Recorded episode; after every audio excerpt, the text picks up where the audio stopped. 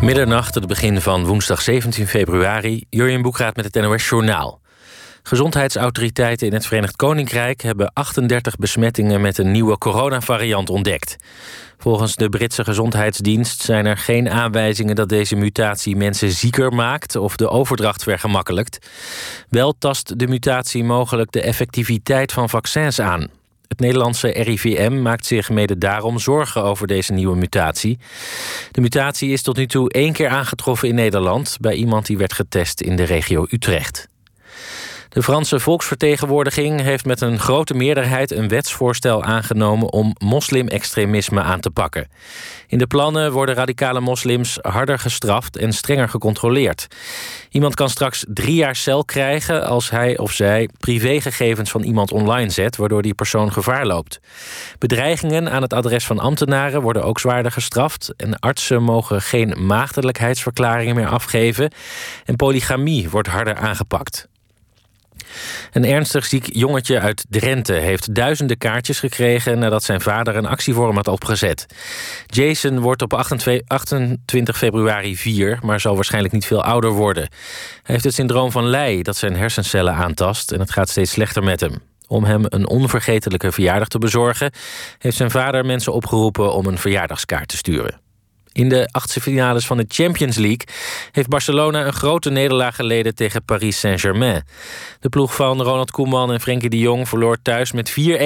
Kylian Mbappé scoorde drie keer voor de Parijzenaars. In de andere achtste finale won Liverpool met 2-0 bij Leipzig. Het weer. Vannacht regen en een graad of 6. Morgen verandert er weinig. Opnieuw overheerst de bewolking en met name in het noorden en noordoosten soms wat regen. Temperatuur rond de 10 graden. Dit was het NOS Journaal. NPO Radio 1. VPRO. Nooit meer slapen.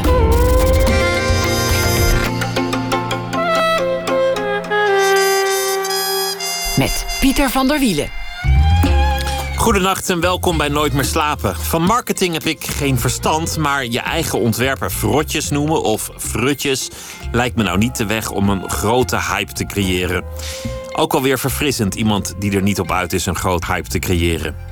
Toch zou je er verkeerd aan doen mijn gastkomend uur Eibert Drijsma te onderschatten. Je moet mensen sowieso niet onderschatten. Musea, internationale beurzen, zijn werk is overal te zien geweest of nog steeds te zien. En hij doseert aan designacademies en geeft workshops aan grote bedrijven over creativiteit. Zijn atelier in Amsterdam is ook een gijzer van slimme ideeën. Lampen, glaskunst, vaak gemaakt van bestaande voorwerpen. En zo werd ineens de broodtrommel een hondje en het hondje kon nog blaffen en kwispelen ook. Eibert Drijsma, geboren in 1966 in Zambia, studeerde in 1991 af aan de Design Academie in Eindhoven. Was een van de eerste ontwerpers gelieerd aan droog design. Zijn werk is te zien geweest in verschillende musea, recent nog in het Centraal Museum Utrecht, Rijksmuseum Twente en het Glasmuseum in Leerdam. Eibert, welkom. Leuk dat je er bent. Dankjewel. Dank dat je gekomen bent. Laten we beginnen in de, de plek waar je geboren bent. Zambia. Ja. Wat, wat, wat, was dat voor uh, omgeving? Wat was het voor plek? Ja, mijn ouders die deden eigenlijk zendingswerk. In die tijd was het zo dat als je niet in militaire dienst wilde... dan kon je uh, uitgezonden worden naar een ontwikkelingsland. En mijn vader is eigenlijk geodeet, landmeetkundig ingenieur... En die ging naar Zambia, of in eerste instantie Rhodesia, wat later Zimbabwe werd, om landmeters op te leiden die mijnschachten konden tekenen. En de gedachte daarachter was eigenlijk dat destijds werd het, het leuke werk gedaan door blanken en het niet zo leuke, vieze, gevaarlijke werk door de locals. En als je natuurlijk de locals gewoon opleidt en zorgt voor goede opleiding, dan kunnen ze zelf dat werk doen en zijn wij niet meer nodig. Dus hij leidde anderen op om mijnen te ontwerpen en ja. ander gekwalificeerd werk te doen. Ja. En, en waar groeide jij dan op? Was, Ja, was dat eh, ik- in een compound? Of, of Nee, de- ik dorp? groeide op in eh, Lusaka. Dat is eigenlijk een, ja, de, de hoofdstad van Zambia. En ik zeg wel eens tegen, tegen mensen... Ja, daar stonden toen bij wijze van spreken al, al wolkenkrabbers. Dus het is niet zo dat ik ergens eh, in de jungle geboren ben. Het was gewoon een moderne grote stad. Destijds al. een drukke, bedrijvige stad. Ja, En woonden jullie gewoon tussen de lokale bevolking of, of op een apart expat-gedeelte, zoals je dat vaak nou, wel niet hoort? echt een expat gedeelte, maar wel een, een ja, wat betere wijk aan de rand van de stad. En eh, dat is wel grappig dat je dat zegt, want mijn vader schaamde zich daar enorm voor. Die wilde eigenlijk een eenvoudig huisje, maar die kreeg van de regering een enorm huis toegewezen. Met een grote tuin eromheen, eigenlijk meer een, een villa-achtig iets. En hij wilde dat helemaal niet. Dus hij liet er al heel snel een heel groot bord op zetten met Africa 2000. Wat een soort van ehm, vrijheidsbeweging was. Een, in ieder geval een politieke beweging die heel erg begaan was met de locals. Om te laten zien dat hij dus niet bij de, ja, De kolonialen de hoorden. kolonialen wilde horen. hoe, lang, hoe lang ben je daar gebleven in, in, Tot, in Afrika? tot ik ongeveer 6,5 was. Dus ik weet er nog wel iets van, maar ook weer niet heel erg veel. Het is maar een heel korte fase eigenlijk. Ja, Het is, het is wel dan een, een fase waarin je ja, in een soort, soort enclave woont of zo op een, op een bepaalde manier. Dat je anders bent. Ja, ik denk wel dat het me gevormd heeft. Omdat mijn ouders die betrokken ons altijd heel erg bij eh, wat er gebeurde. eh, Hoe mensen daar omgingen met dingen die kapot gingen. ho- Hoe je dingen kunt repareren. Dat je dingen uit elkaar kunt halen. En al heel vroeg werd er erop gewezen dat het ja, niet nodig is om dingen zomaar weg te gooien.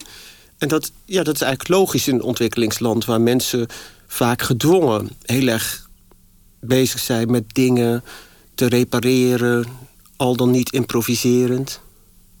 Een, een auto in veel armere landen, veel Afrikaanse landen ook, kan nog jaren doorrijden terwijl die hier al lang naar de sloop zou zijn gebracht. Wij geven snel op met, met apparaten. Ja, ja, helaas wel. Ik denk dat veel te veel apparaten niet ontworpen worden op servicebaarheid of repareerbaarheid. Dat is natuurlijk een hele slechte zaak. Ja, Dat ze hebben gewoon ooit berekend bij de, bij de industriëlen van als, als mensen een nieuwe kopen, zijn we beter af dan wanneer ze eindeloos die oude blijven repareren. Ja, Dus laten maar lekker kapot gaan. ja, daar kunnen we natuurlijk niet mee door blijven gaan met zo'n insteek. Het is wel een van de, de rode draden in jouw werk gebleken. Iets een nieuwe bestemming geven. Even opnieuw kijken naar iets wat een ander zou weggooien en kijken wat je ervan kan maken. Ja, dat komt niet zozeer voort uit recycling. Het, het was eigenlijk zo, vooral toen ik op de Design Academy zat, was ik heel druk met school. Maar school vond ik soms te beperkt. En dan wil ik buitenschool graag nog iets anders doen, iets vrijers. En omdat ik niet zoveel tijd had, ging ik gebruik maken van bestaande onderdelen, omdat ik dan sneller iets kon maken. En meer en meer ja, ben ik dat gaan uitbreiden. En je, je, je traint jezelf ook om mooie onderdelen te zien. Onderdelen die sterk zijn of onderdelen die een andere functie kunnen krijgen die ze oorspronkelijk misschien hadden. Kun je een Dus, voorbeeld dus noemen? daar hoe, komt het uit voort. hoe, hoe gaat zoiets? Waar, waar vind je dan hetgeen de basis van het, het nieuwe ontwerp wordt? Ja, dat, dat verschilt heel erg. De ene keer zie je iets op rommelmarkt en dan denk je van... goh, wat een mooie vorm, het lijkt wel een vogel. En dan besluit je ter plekke om een vogel te gaan maken. En een andere keer is, is het meer een mechanisme waarvan je denkt van... goh, dit mechanisme, daar zou ik ja, een bepaalde beweging mee kunnen maken. En vervolgens ga ik dan nadenken van... wat zou ik met zo'n beweging kunnen doen... Dat ik heb op een gegeven moment dansende lampen gemaakt. En dat kwam eigenlijk ook uit zoiets voort dat ik aan het nadenken was over ja, dit soort armen eigenlijk. Het interessante Van- van van, een zo'n bureaulamparm is dat eh, als ik dit op en neer beweeg, dan blijft de, de microfoon of de bureaulamp die blijft horizontaal, terwijl dit op en neer gaat. Dit, dit is het moment dat elke geluidstechnicus in Hilversum nerveus wordt. Als je aan de, aan de microfoon dat moet ik natuurlijk niet doen. Maar goed, ik Maar snap het, je het wilt leuke ontwerp is, ik, ging daarnaar kijken en toen dacht ik van... goh, hoe zou je dat nou zo kunnen veranderen... dat het wel op en neer gaat, maar dat die kop iets anders gaat doen? Eh, en eigenlijk het tegenovergestelde van wat je wil... met een microfoon, standaard of een lamp. Ja, en toen dacht ik van... goh, het zou leuk zijn als die lamp uit zichzelf... zo een beetje rond zou kunnen kijken. Dus zo gaat het soms ook, dat je spelend met mechanieken op ideeën komt om iets te doen wat eigenlijk oorspronkelijk niet de bedoeling was van zo'n bureaulamp. Door eigenlijk anders te kijken.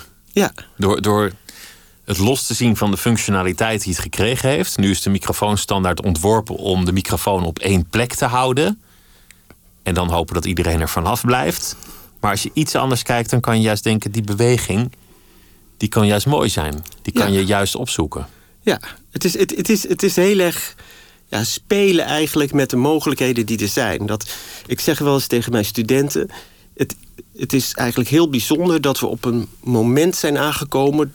waar we alles wat we kunnen bedenken daadwerkelijk kunnen maken. Dus we worden niet meer gehinderd door maakbaarheid. Het kan gewoon. Dus de, de beperking ben je eigenlijk zelf. Het, Jouw Het- ideeën zijn de beperking. ja, Je kan, je kan niet meer alles bedenken. Daar zit de beperking. ja. Het is niet van ik kan iets bedenken, maar ik kan het helaas nog niet maken. Precies. En dan is het ook nog zo dat we alles ook nog zo kunnen maken dat het in principe niet meer kapot hoeft te gaan. Alleen we doen het niet.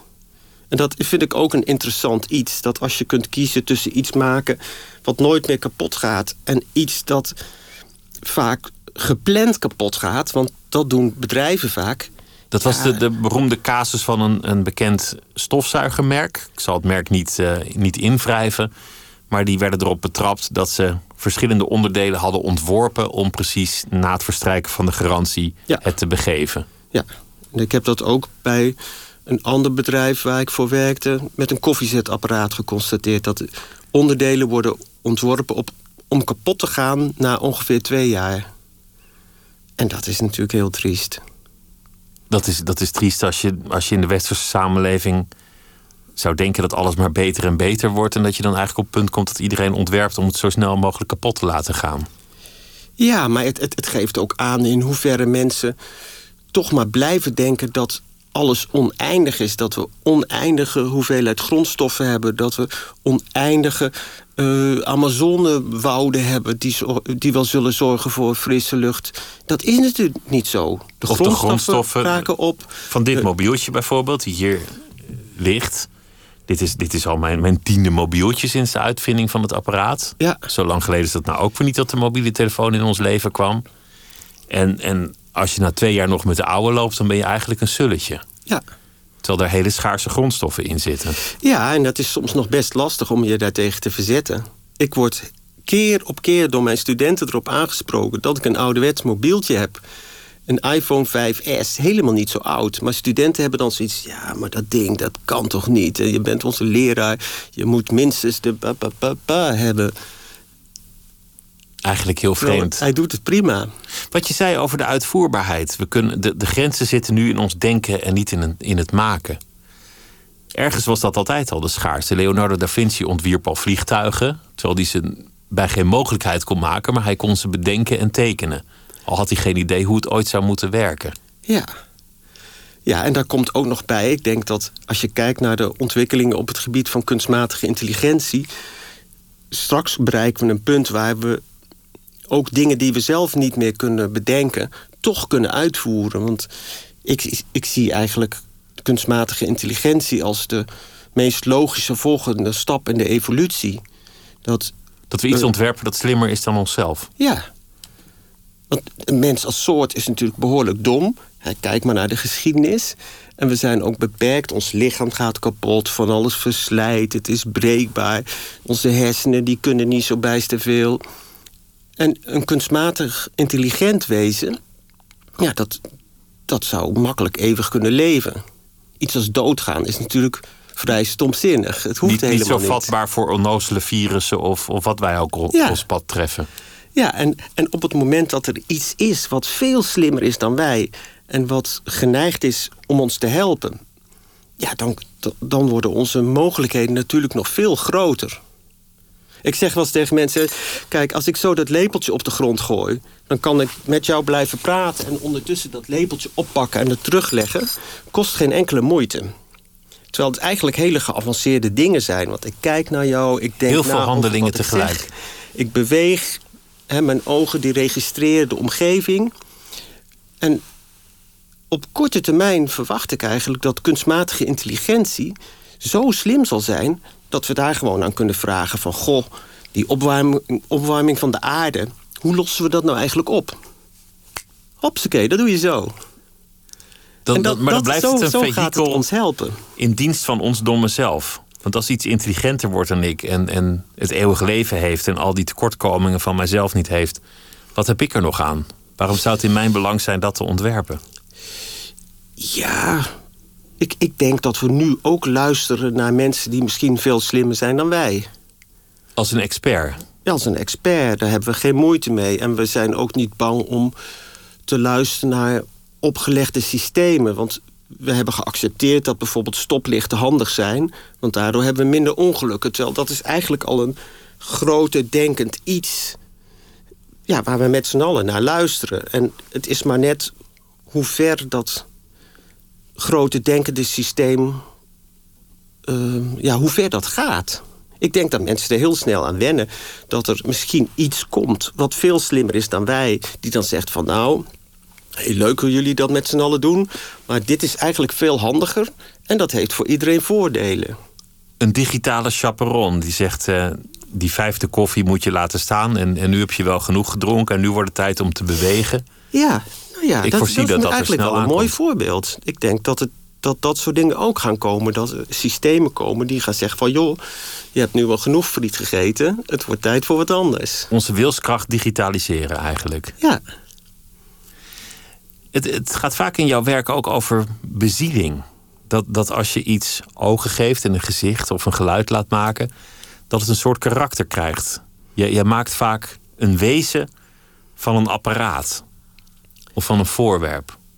Ja, ik, ik weet niet meer precies waar dat vandaan komt. Maar ik, ik geloof zelf in ieder geval dat als je het gevoel heeft, hebt dat iets bezield is, dan hecht je, er, hecht je je er op een andere manier aan, waardoor je er zuiniger mee om zult gaan. Dat als je het gevoel hebt dat je koffiezetapparaat leeft en het gaat dan kapot, ja, dan, dan heb je medelijden. Dus dan zul je het laten repareren.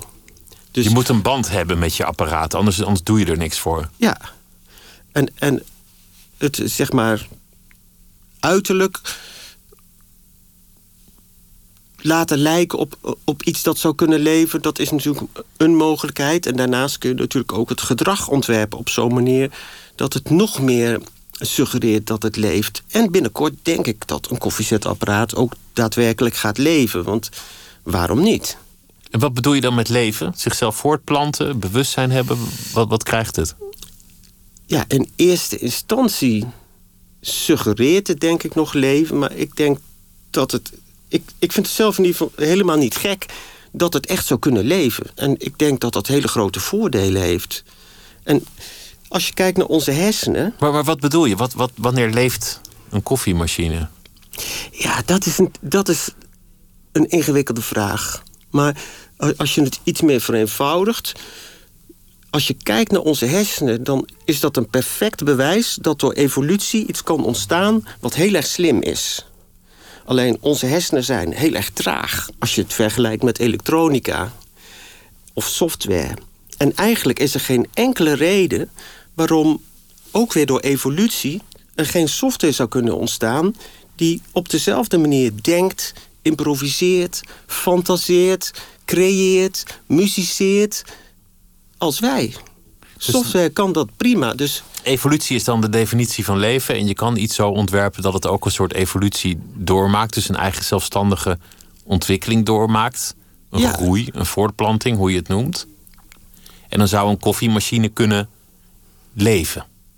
Ja, niet eens zou kunnen. Ik ben ervan overtuigd dat het gaat gebeuren. Ik zelf moment- leef niet zonder koffiemachine. Dat moet ik inmiddels toegeven. 's ochtends komt er geen leven uit zonder de koffiemachine. Ja. Maar wat zou het voordeel zijn als de koffiemachine ook tot leven komt?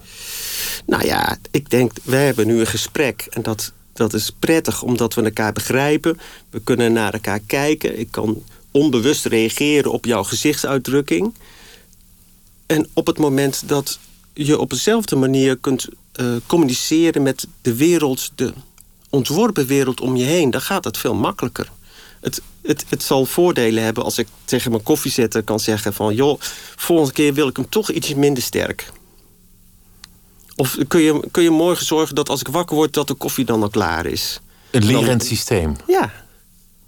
Want dat is eigenlijk wat hersenen doen. He- Hersenen hebben natuurlijk het vermogen om steeds meer dingen bij te leren. En in het begin, zoals een kind, zal een koffiezetter misschien nog dom zijn... en misschien niet helemaal doorhebben wat je precies bedoelt... maar naarmate je die koffiezetter langer hebt... zal die jou beter begrijpen. En dan krijg je daar intelligentie. Toen, je, toen jij opgroeide in die, in die eerste jaren van je leven in Zambia... het was maar kort, maar je zei toch wel bepalend. Onder meer omdat je zag dat, dat dingen lang nuttig bleven. Apparaten werden niet, niet weggemieterd als ze enigszins stuk leken. Wat, wat had je eigenlijk voor omgang? Had je daar vriendjes? Ging je naar school? Of, of leefde je op, een, op een eigen ik, eiland? ik ging gewoon naar een, uh, een lagere school met, met uh, locals en uh, blanke kinderen. gewoon een gemixte lagere school. Dus ik heb wat dat betreft een normale jeugd gehad... met als grootste verschil dat het altijd lekker weer was.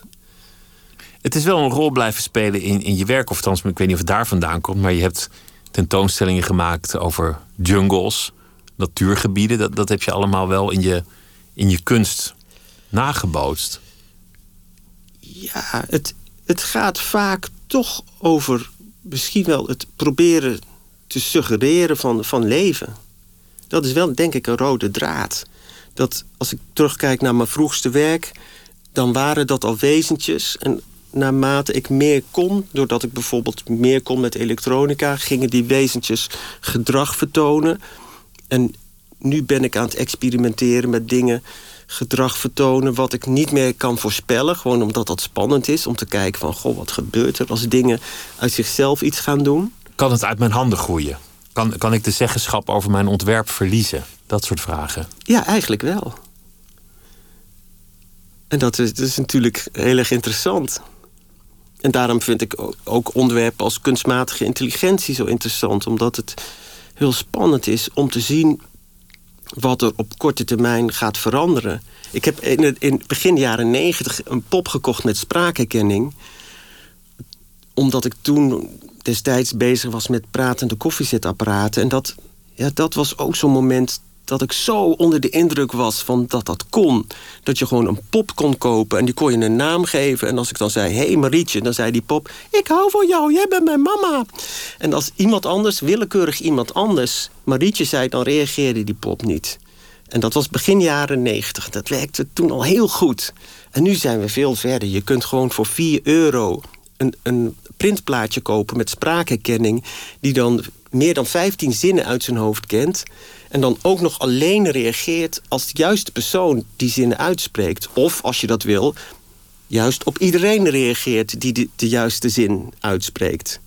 En ja, dat is fascinerend dat, dat je voor zo weinig geld iets kan kopen... dat zo geavanceerd is. Dat gaat echt hele grote dingen veranderen. Het is al heel lang een fantasie in, in heel veel cultuur, in heel veel uh, films.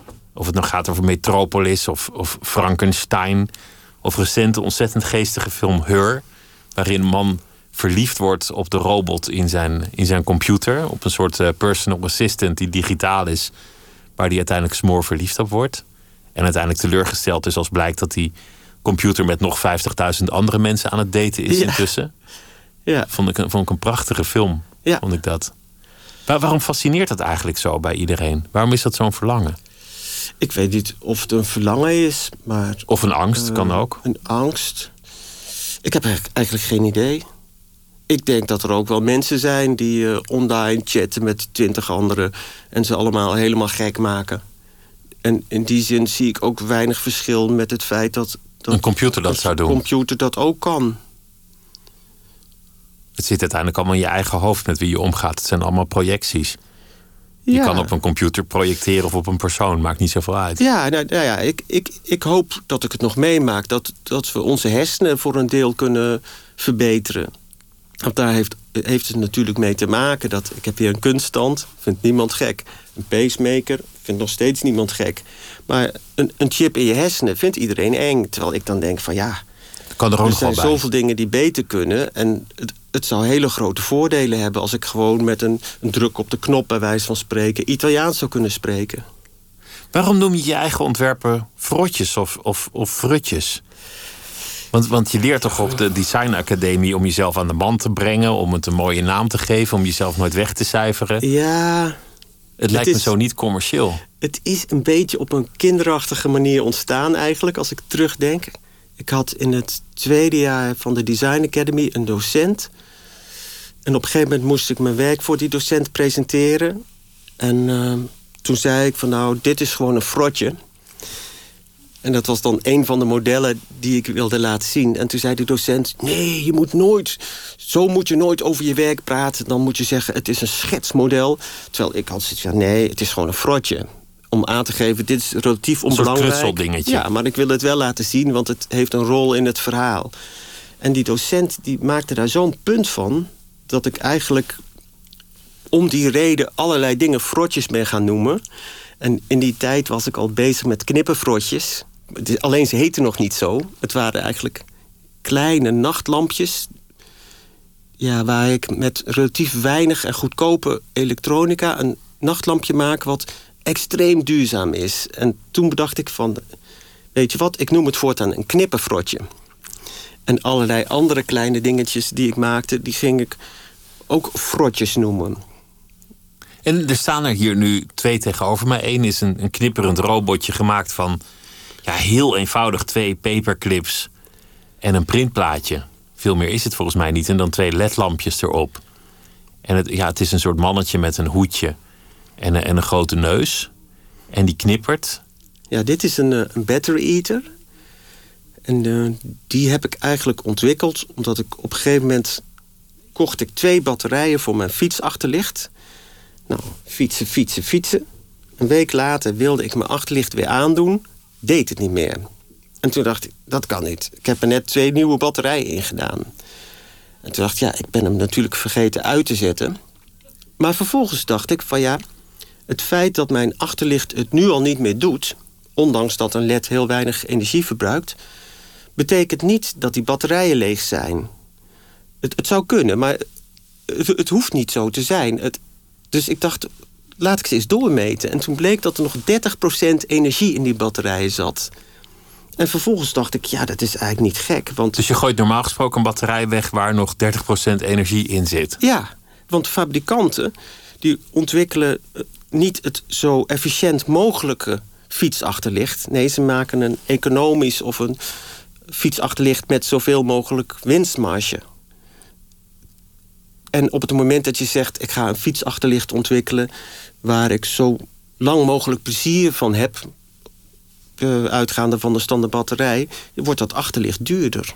En vervolgens dacht ik van ja, als dat voor dat fietsachterlicht geldt... dan geldt het waarschijnlijk ook voor een afstandsbediening... voor een zaklamp, voor een klok, voor een rookmelder, noem het maar op. Dus ik dacht, weet je wat? Ik ga een uh, familie wezentjes ontwikkelen... waar je een lege batterij in doet... En dan zo dat dat wezentje net zo lang met zijn ogen knippert... tot de batterij echt leeg is. Zodat ik eigenlijk op een ja, zachtmoedige manier mensen er bewust van kan maken... dat iedere batterij die je weggooit nog helemaal niet leeg is. Hoe, lang, hoe lang loopt zo'n beestje op zo'n batterijtje? Ja, dat, het hangt een beetje ervan af van hoe leeg de batterij is. Maar meestal zeker een half jaar, maar vaak, vaak wel een jaar of anderhalf jaar anderhalf jaar blijft hij knipperen op, op één zo'n batterijtje. En, en ja, dan kom je weer terug op hetzelfde punt. Dat lijkt dan lang, maar technisch gezien is het helemaal niet moeilijk om schakeling te ontwikkelen die 85 jaar twee ledjes kan laten knipperen op één AA-batterij. Alleen, dan heb ik een veel, veel duurdere chip nodig. 85 jaar zou jij iets kunnen laten knipperen. En, en, dan krijg je het probleem die batterij die, die houdt het geen 85 jaar uit. Want die, die verrot gewoon, die oxideert, die valt uit elkaar. Maar als die batterij 85 jaar niet uit elkaar zou vallen... en alle energie die erin zit ja, gebruikt zou worden... Dan, dan haal ik gewoon die 85 jaar. En dat is natuurlijk bizar om te weten. We zouden zoveel duurzamer kunnen produceren dan we nu doen. Ja. Het is eigenlijk een verspillend model. Eigenlijk slecht ontwerp, zou je denken. Voor wie later inschakelde, Iber Drijsma zit tegenover mij. En we hebben het over zijn uh, ontwerpen. En we hadden het over uh, deels opgroeien in, uh, in Afrika. En hoe je langzaamaan gefascineerd raakte door het bezielen van apparaten. En door het uiteindelijk maken van iets dat groter is dan onszelf. De kracht zit in het denken en niet in het maken. Het denken is een veel rijkere wereld. Het maken is niet langer de beperking, zei je. Je zit veel tijd in je, in je atelier. Is dat ook de, de plek waar je het liefst bent op aarde op dit moment? Absoluut, ja. Liever daar dan op een tropisch strand of, of god weet waar? Ja, ik, eh, de, vakanties vind ik vaak moeilijk, want ik verveel me al gauw en ik wil het liefst iets doen. En in mijn atelier, dat is natuurlijk de ultieme plek om van alles te doen. Een soort speeltuin is het voor jou? Ja. Ja, ik ben eh, ontzettend gelukkig elke dag dat ik er ben. Hoe, hoe ziet zo'n dag eruit? Ik bedoel niet van, van waar begin je, maar wat, wat, wat voor proces vindt daar plaats? Oeh, ja, dat hangt een beetje van mijn planning af. Ik, ik werk vrij gestructureerd. Dus ik heb meestal aan het begin van de dag wel een vooropgezet plan van wat ik die dag wil doen. En de ene keer is het, is het software of elektronica ontwikkelen. De andere keer, ja, nu ben ik hiermee bezig, die waka's, is het iets, iets heel anders. Maar. Je hebt wel een, een plan. Het is, het is niet echt, echt spelerij of zoiets. Soms ook weer wel. Als ik bijvoorbeeld kandelaars maak. Ik, ik, ik vind het heel erg leuk om kandelaars te maken. En die maak ik dan uit bestaande onderdelen. En dat is eigenlijk een soort combineren met bestaande vormen. En dus een, is... een, moerboutje en een, en, een, en een pijp en allerlei ja, maar afval dan, maak je tot mooie Het, het zijn wel vormen. Ik heb bakken met ja, vormen die ik interessant vind... of die ja, aantrekkelijk zijn om te zien. Dus het, het zijn al voorgeselecteerde vormen. Gewoon een boutje of een moertje vind ik niet zo interessant. Dus als ik een kandelaar ga maken... dan heb ik al een, een bak met onderdelen waarvan ik weet... van nou, dit, hier kan ik iets mee maken wat, wat er... Ja, aantrekkelijk uitziet. Ook weer een wezentje vaak. Maar bij die kandelaars, de ene keer ben ik in vijf minuten klaar. En de andere keer duurt het drie dagen voordat ik denk, nu is die goed genoeg. Nu klopt het. Ja, ik heb als uitgangspunt... niks mag mijn studio verlaten voordat ik het eigenlijk niet meer weg wil doen. En dat is een heel makkelijk criterium. Want zolang ik denk van nou, kan me eigenlijk niet zoveel schelen... dan weet ik dat het niet af is. Dus ik ben vrij streng voor mezelf. Maar dat is ook tegelijk je grote tekortkoming. Als ik, als ik dat zo mag suggereren. Want het staat heel vol in je, in je atelier. Ik, ik ben daar geweest.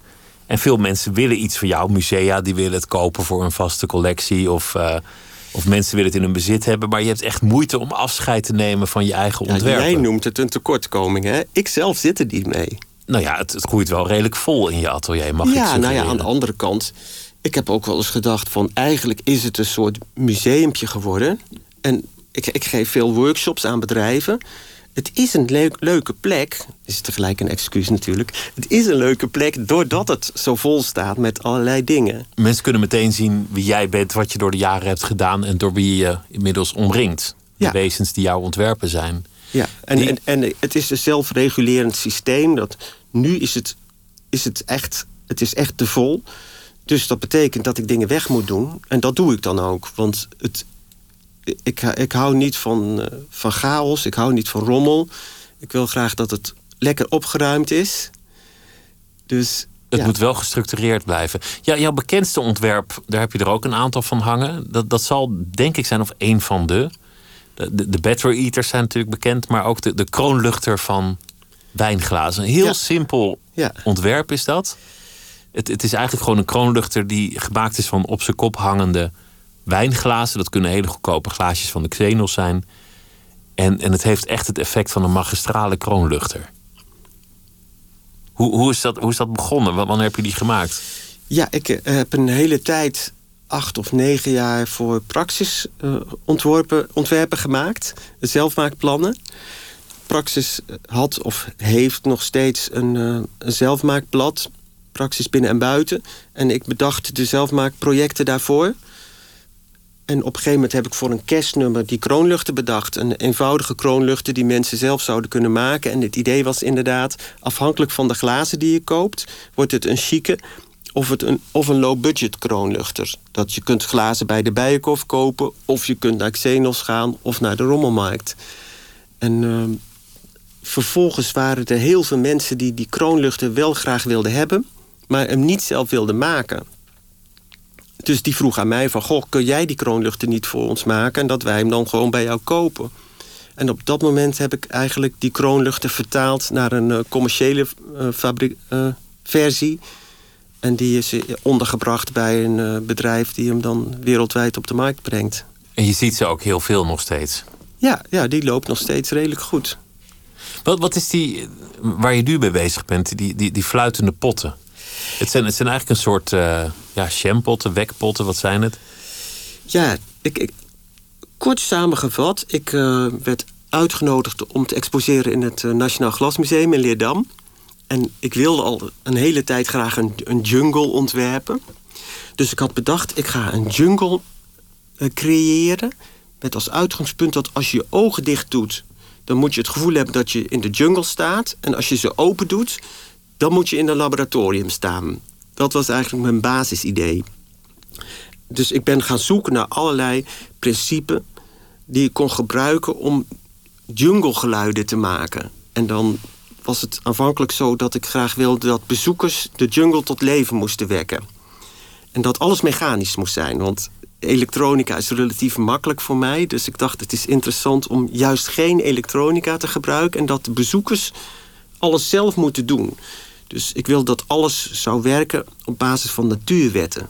Zwaartekracht, luchtdruk, wrijving, uh, veerenergie. Alleen vervolgens kwam het hele corona gebeuren... en kreeg ik te horen dat de bezoekers niks zouden mogen aanraken... Dus toen dacht ik van nou, dan moet ik... Ik wilde nog steeds dingen gebaseerd op natuurwetten ontwerpen... maar het mocht niet meer aangeraakt worden. Dus toen dacht ik van nou, dan moet ik kiezen voor werkingsprincipes... die ik relatief makkelijk kan automatiseren. En zo kwam ik eigenlijk onder andere bij deze fluitende kruiken. Het, zijn, uh, het is gebaseerd op fluitende kruiken uit Peru... Het is dus een potje en daar, daar zit een gat in en daar heb je een soort PVC-pijp ingestopt. Ja, het zijn eigenlijk met twee, water twee potjes met een buis ertussen. Het zijn in principe communicerende vaten. En als je het geheel kantelt, dan stroomt het water van de ene jampot naar de andere jampot. En de luchtdruk die daarbij ontstaat, die gebruik ik om een fluitje te laten krinken. Ik kan ze wel even laten horen.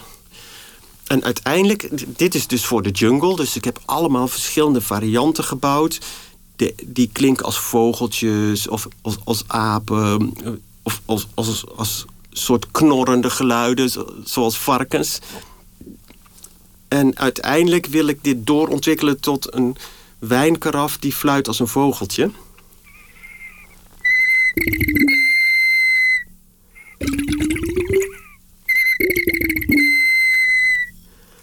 En sommige, deze bijvoorbeeld... Dus alleen door de pot te bewegen kan je, kan je het laten fluiten? Ja. En bij deze heb, heb ik als doel gesteld... ik wilde graag boventonen laten klinken. Dat is eigenlijk dat je een fluitje ontwikkelt... die bij een hogere druk een andere toon heeft. Want dan wordt het nog veel meer jungle-achtig. En dat doet deze heel goed. Kijk, ik kan hem zo bewegen. En als ik hem wat verder kantel, dan klinkt hij zo.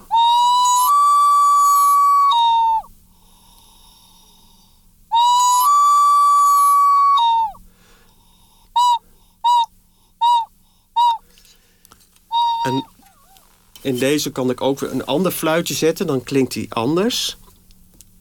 Ik heb er veel onderzoek naar gedaan. En het is ook weer grappig dat ik erachter kwam... dat heel veel literatuur over die fluitende kruiken helemaal niet klopt. Omdat onderzoekers die, die graven dit soort kruiken op...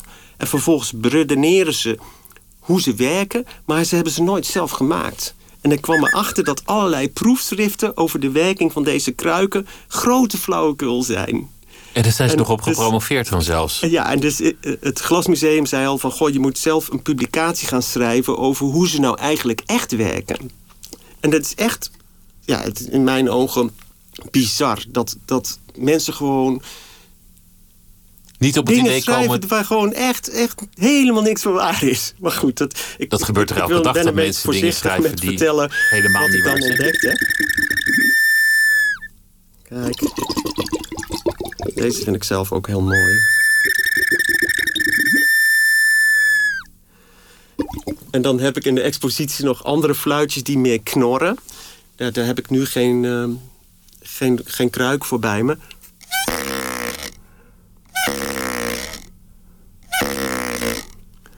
En het, idee is uiteindelijk dat je een kamer inloopt waar alle potten, alle apparaten fluiten, waardoor je als je je ogen dicht doet echt in het oerwoud staat. En dat is, al zeg ik het zelf, ook redelijk goed gelukt. Het is echt een jungle.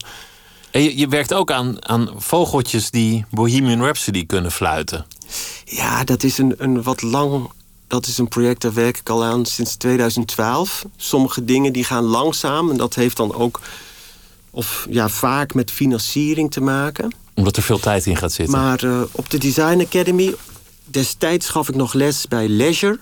En hadden we een, uh, een trimester waar het ging over gerontechnologie.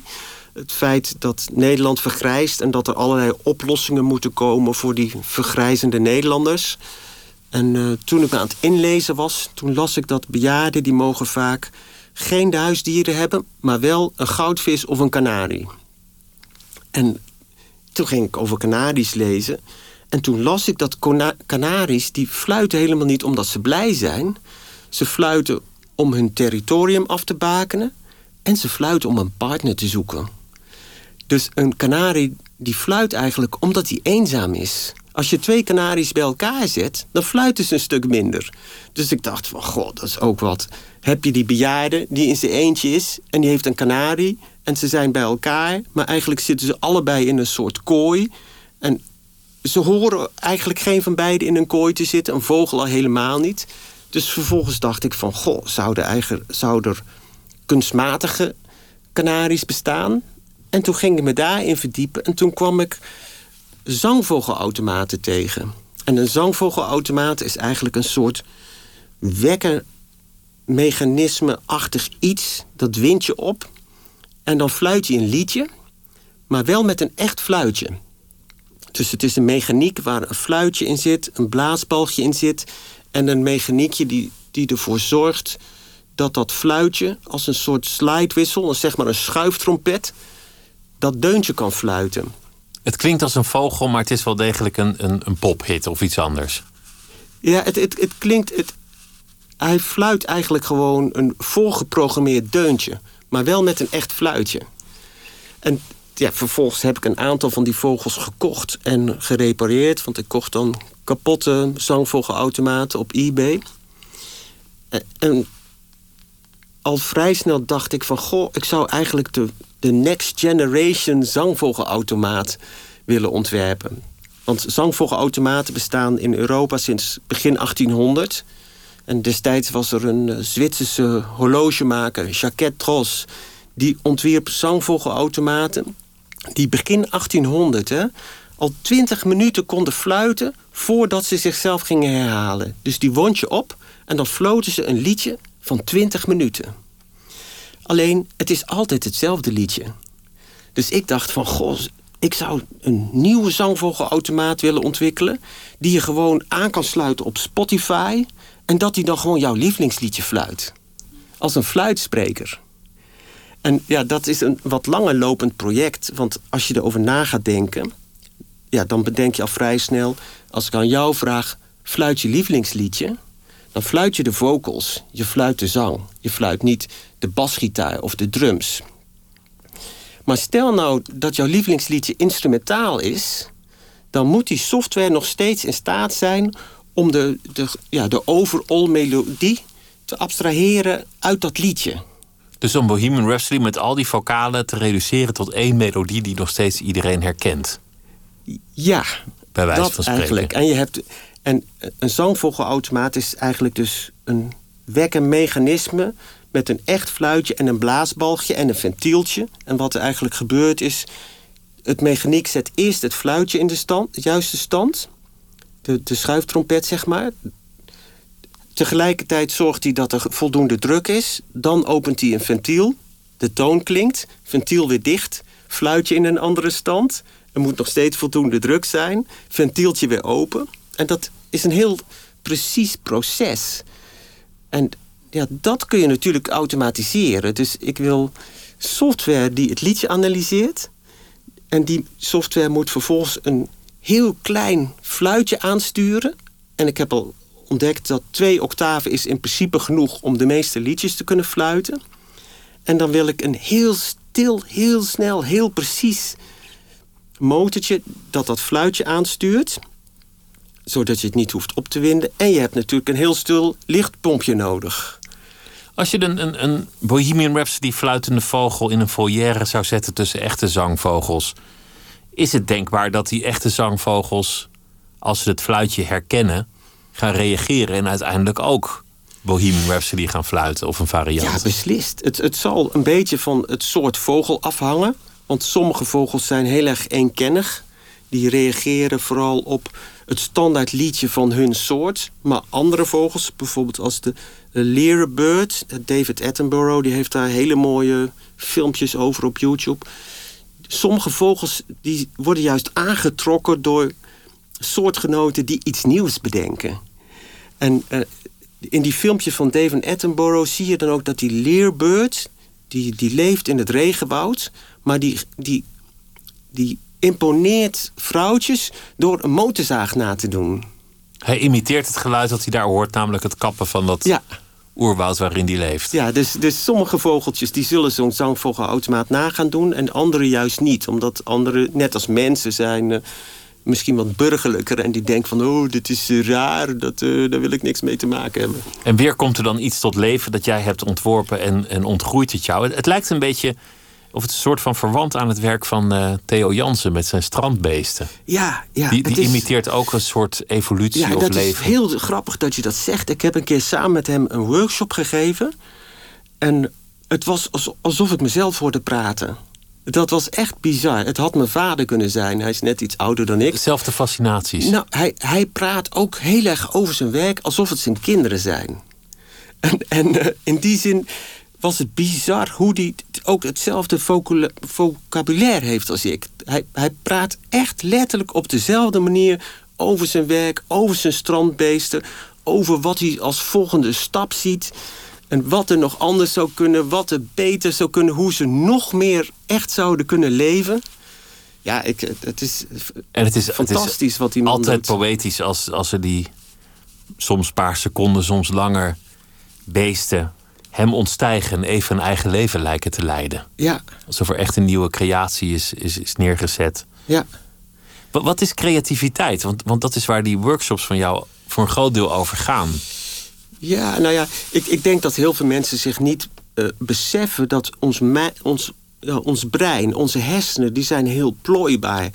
En ook iets als creativiteit is iets wat je kunt trainen. Je kunt jezelf trainen om om beter te worden in associëren. Dat creativiteit is een heel, voor een groot deel gebaseerd op makkelijk kunnen associëren. Om makkelijk je, je, je gedachten te laten gaan in allerlei andere richtingen. Zoals je je, je armspieren kan trainen, kan je ook je creativiteit ja. trainen, ontwikkelen. Ja, en het is natuurlijk zo, net als met bijvoorbeeld musicaliteit. Sommige mensen hebben daar meer aanleg voor. Sommige mensen hebben meer aanleg om hardloper te worden. Maar los daarvan, als jij gaat trainen, dan zul je beter kunnen hardlopen. En met onze hersenen is het hetzelfde. Als je gaat trainen in associëren, in divergent denken... Dan, dan zal dat steeds makkelijker gaan. Hoe doe je dat? Ja, het hangt een beetje van het, het, uh, het onderwerp af. Maar uh, Google is er al heel geschikt voor. Dat het, het makkelijkste wat je kan doen om ideeën te genereren is je begint met het kiezen van keywords. Uh, de, ja, termen waar je aan denkt bij het onderwerp waar het over gaat. En uh, als ik het uitleg aan mijn studenten, zeg ik altijd: probeer, extreme keywords ehm, te formuleren, of probeer in ieder geval extreme bijwoorden te gebruiken. Dat, ehm, ja. Als je bijvoorbeeld een hoed wil ontwerpen... dan moet je niet zoeken op hoed of rode hoed... maar dan moet je zoeken op hilarious hat... of, of extravagant hat... of unbelievable hat... of je kunt er een materiaal aan toevoegen... waardoor, het, waardoor je zoekopdracht ook weer extremer wordt. Vervolgens voer je dat in, in Google of een andere zoekmachine... en zie je allerlei, allerlei andere dingen waar men, andere mensen aan denken bij diezelfde woorden. En simpel, simpelweg op zo'n manier kom je al op ideeën waar je uit jezelf niet zo makkelijk opgekomen zou zijn. En dat is, dat is voor jou creativiteit. Dat je op een ander idee komt dan je logischerwijs zou hebben bedacht als je je vaste pad volgde. Nou, dat is, het is een aspect van creativiteit. Ik, ik denk dat creativiteit voor een groot deel erover gaat dat je jezelf en dus je hersenen moet uitdagen om van dat ge, gebaan, ja, de, de gangbare weg af te wijken. En om juist allerlei zijweggetjes in te slaan om te kijken waar je dan uitkomt. Het is natuurlijk het is een soort ontdekkingsreis. Je gaat ergens heen, maar je weet nog niet waar je uit gaat komen. En heel veel mensen vinden dat eng. Maar er is niks om bang voor te zijn. Dus die creativiteit gaat er juist over dat je allerlei dingen onderzoekt... die misschien wel helemaal nergens op slaan. Gewoon om te kijken waar je dan uitkomt. Durven meanderen, durven verdwalen. Ja. Er zijn ook van die coaches die zeggen dat je elke dag een, een andere weg naar huis moet nemen. De meeste mensen denken dat ze de kortste weg hebben. Dan nemen ze elke dag die kortste weg. Ja. En dat is de dood voor je brein. Je moet jezelf aanhouden, dus moet je elke dag een andere route kiezen. Ja, en mensen vinden dat moeilijk, gek genoeg. Maar toevallig heeft een van mijn studenten op Design Academy... die heeft ooit een app ontwikkeld die dat voor je doet. Die dus tegen je zegt van nou, gisteren ben je zo gelopen... vandaag gaan we het zo doen. En waar je dan ook nog kan zeggen van nou, het mag vijf minuten langer zijn... dan de snelste weg. Of het doet er niet toe hoe lang het duurt... maar ik wil gewoon een hele andere route. En dat is natuurlijk weer het leuke van software. Dat we, kunnen met al die dingen, al die mogelijkheden die we hebben... die kunnen ons helpen om creatiever te zijn.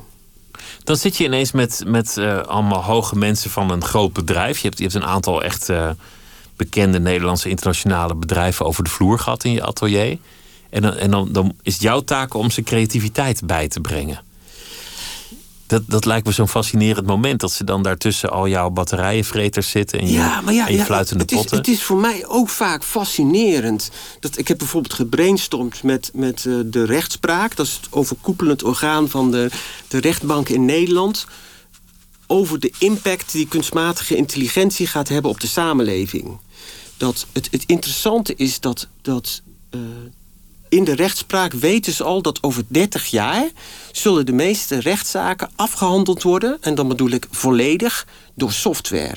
Dus software zal bepalen of jij een strafbaar feit hebt begaan... en de software zal ook bepalen welke straf je daarvoor krijgt. En dat kun je eng vinden, maar goed ontworpen software is veel onpartijdiger dan mensen. Die zien niet of je dik bent, die zien niet of je een kleurtje hebt... die zien niet of je paars haar hebt, die zien niet of je op hakken loopt. Die software die vergelijkt gewoon allemaal vergelijkbare dingen met elkaar... en velt een heel eerlijk oordeel erover. En het, het grappige was dat het waren zeg maar, mensen strak in het pak... en dan echt de top van de advocatuur van Nederland...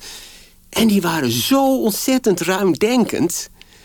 En, en dat, ja, dan, dan merk ik dat ik zelf toch in zekere zin bekrompen ben omdat ik van tevoren dacht van nou, dat zal wat worden. Het is toch angstig als je, advocaten. Maar als je het dan was ergens een, computer leukste... voor je treft... of misschien online en dan, en dan de computer heeft bepaald levenslang.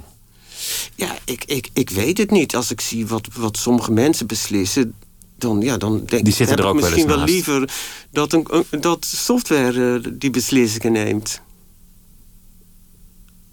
Wat, doe je dan met mensen als je ze creativiteit moet bijbrengen? Ja, het, het, het is vaak toch uh, eigenlijk wat wij nu ook doen. Uh, associëren, brainstormen, praten over wat het zou kunnen betekenen. Wat het zou kunnen inhouden als als software ons bepaalde dingen uit handen neemt. Het, ja, je, het is vaak het laten zien van allerlei rare sprongetjes... waar ze zelf misschien niet zo, zo snel aan gedacht hebben. Het is een moeilijke vraag die je stelt. Ik moet er eigenlijk wat langer over nadenken. ik zit intussen nog een beetje na te denken over de, over de, de computerrechtspraak. Want jij zegt die is rechtvaardiger. Ik zou, ik zou dan eigenlijk willen dat als de computer jou veroordeelt tot iets, dat jij je eigen leven kan voortzetten binnen een robot die je zelf ontworpen hebt met al jouw karaktertrekken. Dan kunnen ze jouw lichaam levenslang opsluiten, maar jij leeft verder als een softwareprogramma elders. Ja, dan dat, kunnen ze je ik, niet ik vangen. Hoop, ik hoop dat het, dat het gauw komt hoor. Dat als ik me kan up uploaden, dan doe ik het onmiddellijk. He, want ik denk dan. Al ja, jouw herinneringen, je gevoelens, je karaktertrekken. Lijkt me fantastisch. Voortzetten in, in iets anders, dat doorleeft. Nou ja, ik denk dan, als ik, als ik zeg maar in een chip zou zitten... dan zou ik veel meer mogelijkheden hebben dan nu. In ieder geval het eeuwige leven. Is dat eigenlijk niet wat, wat een ontwerper probeert? Doorleven in zijn creaties? Mm, ik ben er op, eerlijk gezegd niet heel erg mee bezig hoor. Het lijkt, ik, ik ben vooral gefascineerd door de gedachte dat het eeuwige leven binnen bereik is. Dat, ja, voor mij misschien net niet meer, maar ik denk iedereen die nu 30 is, die heeft een reële kans op eeuwig leven. Zo zie ik het wel. Maar ehm, als het zou kunnen, ja, dan zou ik er meteen gebruik van maken. Ik zou hem meteen laten uploaden. Eeuwig leven, wat zou eigenlijk het voordeel zijn van, van eeuwig leven? Nou ja. Omdat je nooit zult weten dat je dood bent. Ik, ik vind het soms jammer dat heel veel dingen die ik heel graag zou willen, dat dat niet in mijn, in mijn leven gaat passen. Dat het niet past in die, in die korte tijd. Maar je wil alleen maar in je atelier zitten. Oeh, dat is een gemene. Ja, ja misschien wel. Ik, het, het, ik denk dat het een van de grootste zegens, ja, dat klinkt bijna christelijk is, maar dat je gewoon. Ik doe eigenlijk alleen maar waar ik zin in heb. En ik ben me er heel erg van bewust hoor. En dit is, ik, ik leg de lat ook hoog voor mezelf. Maar het is wel waar. In mijn atelier doe ik eigenlijk gewoon wat ik leuk vind. En Spelen. ik doe het net zo lang tot ik het goed genoeg vind. En dat kan ik me permitteren, omdat ik in Nederland woon. Een van de rijkste landen ter wereld. We staan in de top 10. En dat, ja, dat is natuurlijk de andere kant. En ik, ik vind ook, als je in die positie verkeert waarin wij ons verkeren, dan heb je ook de morele plicht om dat niet alleen te beseffen, maar ook uh, om te zorgen dat je dingen blijft doen voor anderen die niet in die positie zitten. Eén daarvan is onderwijs. Maar iets anders is ook bijvoorbeeld ja, toch ontwikkelingshulp. Ik heb een tijdje in Oeganda gewerkt. Ja, ik, ik heb tot het laatste moment gedacht, ik blijf hier. Het, het voelde zoveel zinniger dan heel veel dingen die ik hier doe. Eigenlijk het pad van je vader dus. Ja. Ja. Het is, het, is, het, is een, het, het is een dilemma. Wat ik denk ook regelmatig. Weet je wat? Ik doe alles weg. Weg atelier. Al die ballast die je meesleept. Want je zit met heel veel spullen, gereedschap, weet ik wat. Ik zou prima kunnen leven door bijvoorbeeld nu een maand in Oeganda te werken, of twee of een half jaar, en dan vervolgens naar India te gaan en daar een tijdje te werken, en dan weer ergens anders heen. En privé heb ik niet zoveel nodig. Ik vind, ja, privé, ja, tv kijken doe ik niet. Dat vind ik zonde van mijn tijd. Dus, dus als ik mijn leven kan vullen met zinnig werk, ja, dan. Dat, op ja, wat ik nu doe is ook zinnig, maar op een andere manier, met minder ballast. Ja, dat, dat trekt me heel erg aan. Spannend. Ik ben benieuwd wat er uh, van uh, gaat uh, terechtkomen. Eibert, dank je wel dat je, dat je met me wilde praten. Het was mij een groot genoegen om, om met je te spreken dit uur. Eibert Druisman, dank je wel. Dank je wel. Ik vond het een leuk gesprek. Dank je.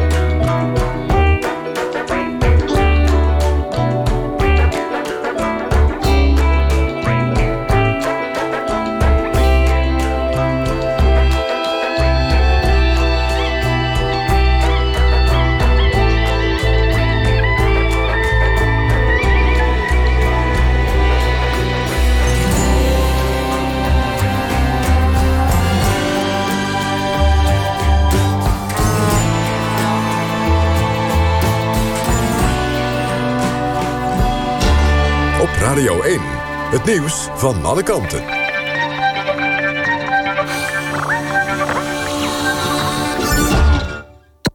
NPO Radio 1.